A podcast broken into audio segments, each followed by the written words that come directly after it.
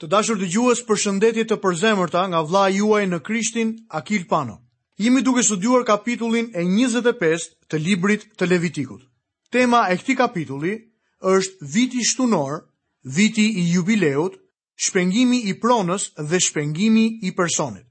Shohim në këtë kapitull që struktura e dhënë nga Perëndia Moisiut jo vetëm që i drejtohej popullit të Izraelit, por ajo i takonte veçanërisht tokës së Palestinës. Kjo gjë theksohet në këtë kapitull. Ligjet këtu nuk mund të zbatoheshin për aq kohë sa Izraeli nuk kishte hyrë në tokën e Kanaanit. Ato ligje nuk mund të përshtateshin në shkretëtirë. Nëse do të shohim me kujdes, do të vëmë re se fjala vend përsëritet në mënyrë të vazhdueshme dhe monotone në këtë kapitull. Si për shembull, kur ju të hyni në vend, pushimi për vendin, do të shpallësh në vend lirinë për të gjithë banorët. Fraza e fundit përdoret 10 herë. Çdo gjë në këtë kapitull është e lidhur ngushtë me vendin apo tokën që Zoti i dha Izraelit. Ekonomia sipas ligjit të Moisiut u ishte drejtuar njerëzve të veçantë, izraelitëve dhe një vendi të veçantë i cili ishte Palestina. Gjithashtu, u është drejtuar njerëzve që ishin angazhuar me bujqësi. Ka disa njerëz që përpiqen t'ia ngarkojnë ligjet e Testamentit të Vjetër mënyrës së jetesës në kishë. Këto ligje nuk përshtaten në Kaliforni, në Shqipëri apo në zona të tjera të globit. Shpallni në vend lirinë për të gjithë. Kjo frazë është një frazë që është gdhendur në këmbanën e lirisë në Filadelfia. Mirëpo ne duhet të kemi parasysh se këto ligje u janë dhënë njerëzve të veçantë në një kohë të veçantë.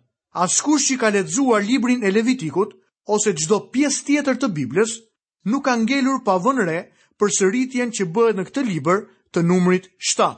Ky është numri që përdoret për të treguar plotësinë. Nuk do të thotë përsosmëri apo plotësi në çdo rast, por paraqet përmbushje. Ka një lidhje të qartë të shumë shfaqjeve të numrit 7 tek libri i Levitikut me shfaqjen e këtij numri tek libri i Zbulesës. Të dy librat e përdorin këtë numër në mënyrë strukturore. Koha ndahej në të 7 pjesë për kalendarin civil dhe atë ceremonial. Zbatoheshin festat e ditës së shtatë, javës së shtatë, muajit të shtatë dhe vitit të shtatë. Kalendari ishte në varësi të kohës shtunore dhe kodi i Levitikut kalonte nëpër shtatë cikle. Kjo ndodh edhe tek libri i zbulesës.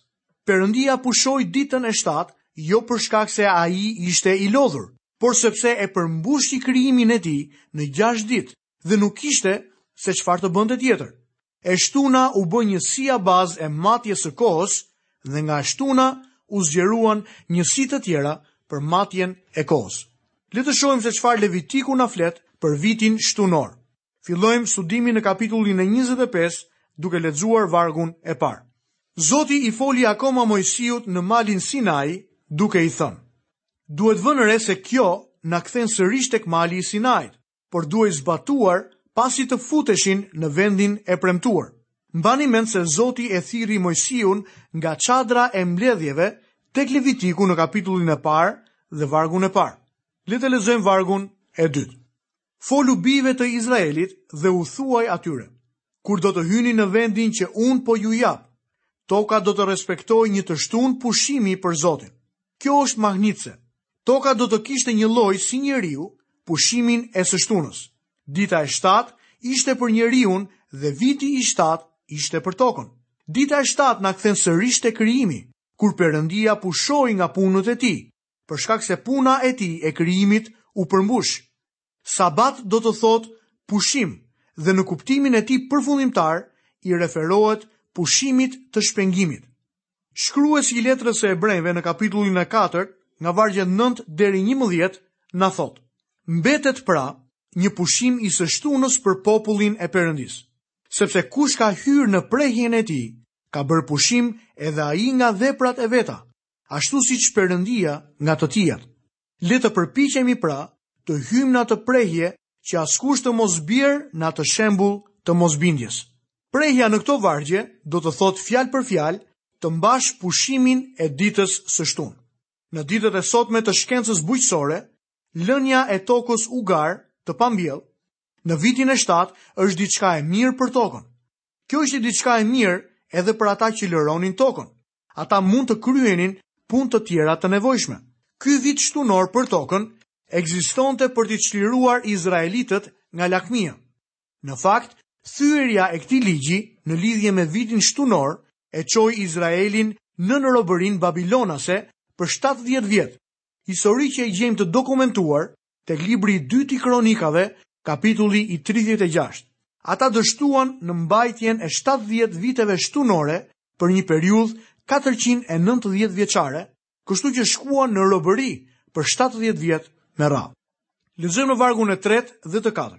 Gjashtë vjet me radhë do të mbjellësh arën tënde, gjashtë vjet me radhë do të krasisësh vreshtin tënd dhe do të mbledhësh prodhimet. Por viti i 7, do të jetë një e shtunë pushimi për tokën, një e shtunë për nder të Zotit. Nuk do të mbjellësh as arën tënde, as do të krasitësh vreshtin tënd. Këto vargje e bëjnë jashtëzakonisht të qartë që viti shtunor ishte i lidhur me tokën. Ata duhet të mbillnin arat dhe të krasisnin vreshtat e tyre për 6 vjet. Dhe pastaj, në vitin e 7, as nuk do të mbillnin dhe as nuk do të krasisnin. Ekziston një mallkim si mbi tokën, ashtu dhe mbi njeriun, dhe ky është se me anë të djersës së ballit të tij, ai do të mund të nxirrte bukë nga toka. Por një ditë, mallkimi do të largohet prej krijesës. Vendi ku unë jam rritur, me keqardhje kishte mësuar se toka duhej lënë për një vit e pambjellë. Mirëpo shumë toka janë shkatërruar duke u mbjellë vit pas viti me pambuk apo bimë të tjera. Viti shtunor ishte në të vërtetë një princip i mirë bujqësor të cilin Perëndia ua dha izraelitëve. A nuk është interesant fakti se Perëndia di gjithçka për bujqësinë? Le të ulemi dhe të shohim vargun e shtatë të librit të Levitikut. Nuk do të korrësh atë që rritet vetvetiu në prodhimin tënd dhe nuk do të vjelësh rrushin e vreshtit të pakrasitur. Do të jetë një vit pushimi për tokën. Atë që toka do të prodhojë gjatë pushimit të saj do të shërbejë si ushqim për ty, për shërbëtorin ose shërbëtoren, për punëtorin tënd dhe për të huajin, me një fjalë, për ata që banojnë me ty, për bagëtinë dhe kafshët që ndodhen në vendin tënd. Tërë prodhimi i saj do të shërbejë si ushqimi i tyre. Këto vargje na tregojnë se si plotësoheshin nevojat fizike të njerëzve gjatë vitit shtunor. Toka ishte aq prodhimtare, saqë nuk ishte e nevojshme që ta mbillje atë çdo vit. Në luginën e Eufratit, në ditët e Abrahamit, nuk ishte fare e nevojshme që të mbillje. Gruri rritej pa u mbjellë. Toka në Izrael prodhonte mjaftueshëm për të plotësuar nevojat e të zotit, shërbëtorëve të tij dhe të huajve. Madje edhe baktia mund të mbijetonte dhe ndoshta edhe të shëndoshej duke kullotur në tokën e palëruar. Perëndia kujdesej gjatë vitit të pushimit për të gjithë, për njeriun dhe kafshën, izraelitin dhe të huajin, të pasurin dhe të varfrin. Të gjithëve u jepej mjaftueshëm për të ngrënë.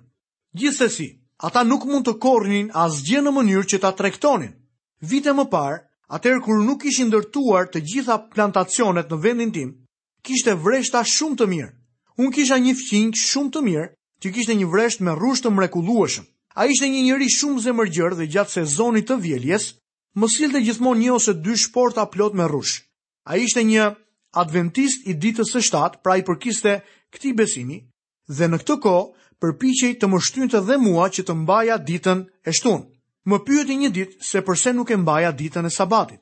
Edhe unë i thashë që e mbaja atë ditë të shtunën, të dielën, të hënën, të martën dhe çdo ditë tjetër të javës. U përpoqja t'i shpjegoja që sabat do të thotë pushim dhe se ne kemi hyrë në fakt në pushimin apo në prehjen e shpengimit që kemi në gjakun e Jezu Krishtit. Ne kemi ndërprerë veprat tona dhe kemi vendosur besimin tonë tek Jezu Krishti, i cili e bën çdo ditë një ditë pushimi, një prehje të Tij. Sigurisht që ai nuk e pëlqeu këto që i thashë. Atëherë i bëra një pyetje. A i mban ti ligjet e Mojsiut? A e mban ti sabatin ashtu siç bëhej në Izrael? Ai më siguroi që e mbante. Atëherë i tregova kapitullin e 25, pra kapitullin të cilin jemi duke studiuar, Në librin e Levitikut, i thashë që nuk ishte vetëm një ditë sabati, por ekzistonte edhe një vit i tillë.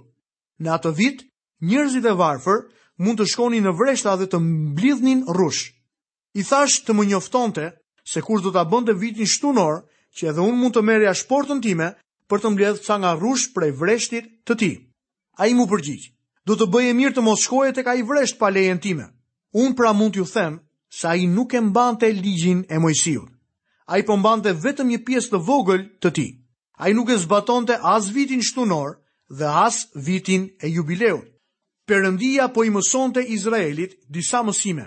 Ai kurrë nuk lejoi që ndonjë prej tyre të mund të privatizonte tokën dhe në këtë mënyrë Të varfrit të ngeleshin pa përkujdesje. Perëndia po mbronte tokën dhe njerëzit e varfër në të njëjtën kohë. Gjithashtu ai po u mësonte atyre se toka ishte e mallkuar, por po vinte koha kur toka do të prodhonte me bollëk. Sot njerëzit shqetësohen për shpërthimin e popullsisë dhe paaftësinë e tokës për të prodhuar ushqim të mjaftueshëm për të gjithë njerëzit. Miku im, kur mallkimi të largohet, kjo tokë do të prodhojë në një mënyrë të paparë që nga rënia e njeriut. Perëndia është siguruesi i të gjitha nevojave njerëzore. Perëndia është Zoti i kësaj toke. Le të shohim në këtë kapitull se çfarë thuhet për vitin e jubileut. Lexojmë në vargun e 8. Gjithashtu do të llogarisësh për vete 7 të shtuna vitesh, 7 herë 7 vjet, Këto shtatë javë vitesh do të bëjnë për ty një periudhë prej dyzet e nëntë vjetësh. Ky varg vazhdon me shumëfishimin e numrit shtatë. Numëroheshin shtatë vite shtunore dhe këto bënin dyzet e nëntë vjet. Viti pasues, i pesëdhjeti pra, ndahej më një anë si viti i jubileut. Viti i jubileut ishte vazhdimësi e numrit shtatë në shkallën më rritëse të kalendarit. ishte njësia më e madhe e kohës, 50 vjet. Sot ne operojmë me anë të qerave. Njerëzit mund të japin me qera pronat e tyre për 50 vjet ose edhe për 99 vjet. Perëndia punonte gjithashtu me këtë bazë. Në çdo vend kishte 2 vite jubileu. Lexojmë vargun e 9. Ditën e dhjetë të muajit të shtatë do t'i biesh burisë, ditën e shlyerjes do të bëni që të bjerë buria në të gjithë vendin. Ky ishte kurorëzimi i gjithë strukturës shtunore të kombit. Ishte Shenath Yahjobel, viti i jubileut. Në shumë anë kjo ishte festa me pjesëmarrjen më të madhe dhe gëzimin në të gjithë strukturën e Ligjit të Mojsiut. Kjo do të thoshte briri i një dashi dhe në atë kohë kishte kuptimin e burisë. Është përkthyer 21 herë si jubile, 5 herë si briri i një dashi dhe një herë si buri. Pas vendosjes së Izraelit në tokën e premtuar, është e vështirë të shohësh një të rënë burie që të dëgjohet nga Dani në Bersheba. është më se e arsyshme të arrijmë në përfundimin se në çdo zonë të populluar bëhej një rënie në të njëjtën kohë e të gjitha borive për të shpallur vitin e jubileut. Mendoj se ndoshta mund të fillonte tek tabernakulli ose tempulli. Një person mund të qëndronte në një largësi të madhe, aq sa të mund të dëgjonte dhe pastaj tingulli i kësaj borie do të vazhdonte të ndiqej nga tingulli i burisë tjetër deri në fund të vendit. Lexojmë vargun e 10. Dhe do të shenjtëroni vitin e 50 dhe do të shpallni në vend lirinë për të gjithë banorët e tij. Do të jetë për ju një jubile, secili prej jush do të kthehet në pronën e vet dhe secili prej jush do të kthehet në familjen e vet. Në atë kohë, njerëzit mund të linin tokën e tyre peng, por në vitin e jubileut, toka do t'i kthehej mbrapsht pronarit. Kjo ishte mënyra se si Zoti e mbronte tokën duke ia lënë pronarit. Toka mund të merrej për një periudhë 50 vjeçare, por vitin e jubileut ajo duhej t'i kthehej pronarit të saj ose pasardhësve të tij. Nëse një njeri e kishte shitur veten në skllavëri, kur të binin boritë, ai ishte i lirë. Prangat këputeshin. Kjo është dhe mënyra se si ne jemi të lirë sot. Fjala greke e përdorur për bori është keruks dhe folja keruso do të thotë të shpallësh ose të lajmërosh. Viti i jubileut është i ngjashëm me kohën e hirit, kur ungjilli i Jezu Krishtit u predikohet skllevërve të mëkatit dhe robërve të satanit. Do të lexojmë më poshtë disa vargje nga letrat e apostullit Pal drejtuar romakëve, do të lexojmë një varg nga ungjilli sipas Gjonit dhe më poshtë do të shohim nga letra galatasve dhe nga ungjilli sipas Lukës. Por qoftë falënderuar Perëndia, sepse ishit shërbëtorë të mëkatit, por iu bindët me zemër atij mësimi që ju është transmetuar, dhe mbasi u liruat nga mëkati, u bëtë shërbëtorë të drejtësisë, sepse paga e mëkatit është vdekja, por dhuntia e Perëndisë është jeta e përjetshme në Jezu Krishtin, Zotin tonë. Zoti Jezu Krisht tha, Do ta njihni të vërtetën, dhe e vërteta do t'ju bëjë të lirë. Pra nëse Biri do t'ju bëjë të lirë, do të jeni me të vërtetë të lirë. Në vitin e Jubileut lirohej gjithçka, të gjitha borxhet faleshin. Miku im, kur ti vjen tek Zoti Jezu Krisht, çështja e mëkatit tashmë është e zgjidhur. Ai e pagoi dënimin në vendin tënd. Gjithçka është e shlyer dhe ti je i lirë të shkosh. Ai të ka bërë të lirë. Por tani pasi u liruat nga mëkati dhe u bëtë shërbëtorë të Perëndisë, keni për frytin tuaj shenjtërimin dhe për fund jetën e përjetshme. Qëndroni pra të patundur në lirinë me të cilën Krishti na liroi. dhe mos hyni përsëri në zgjedhën e skllavërisë. Në lidhje me këtë çështje, le të shohim fjalët e Zotit tonë në sinagogën e Nazaretit. Luka 4:17 deri 21. I dha në dorë librin e profetit Isaia, e hapi dhe gjeti vendin ku ishte shkruar. Fryma e Zotit është mbi mua, sepse ai më vajosi për të ungjillizuar të varfrit, ai më dërgoi për të shëruar ata që e kanë zemrën të thyer, për të shpallur çlirimin e të burgosurve dhe kthimin e të parit të verbërve, për të çliruar përsëri të shtypurit dhe për të predikuar vitin e pranueshëm të Zotit. Pastaj si e mbylli librin dhe ia dha shërbyesit, u ul. Dhe sytë e të gjithëve në sinagogë u drejtuan mbi të.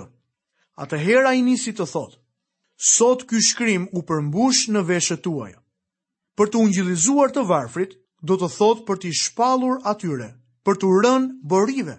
A nuk është ky pra viti i Jubileut, të shërosh ata që kanë zemrën e thyer, të shpallësh çlirimin të burgosurve, të çlirosh ata që janë të shtypur?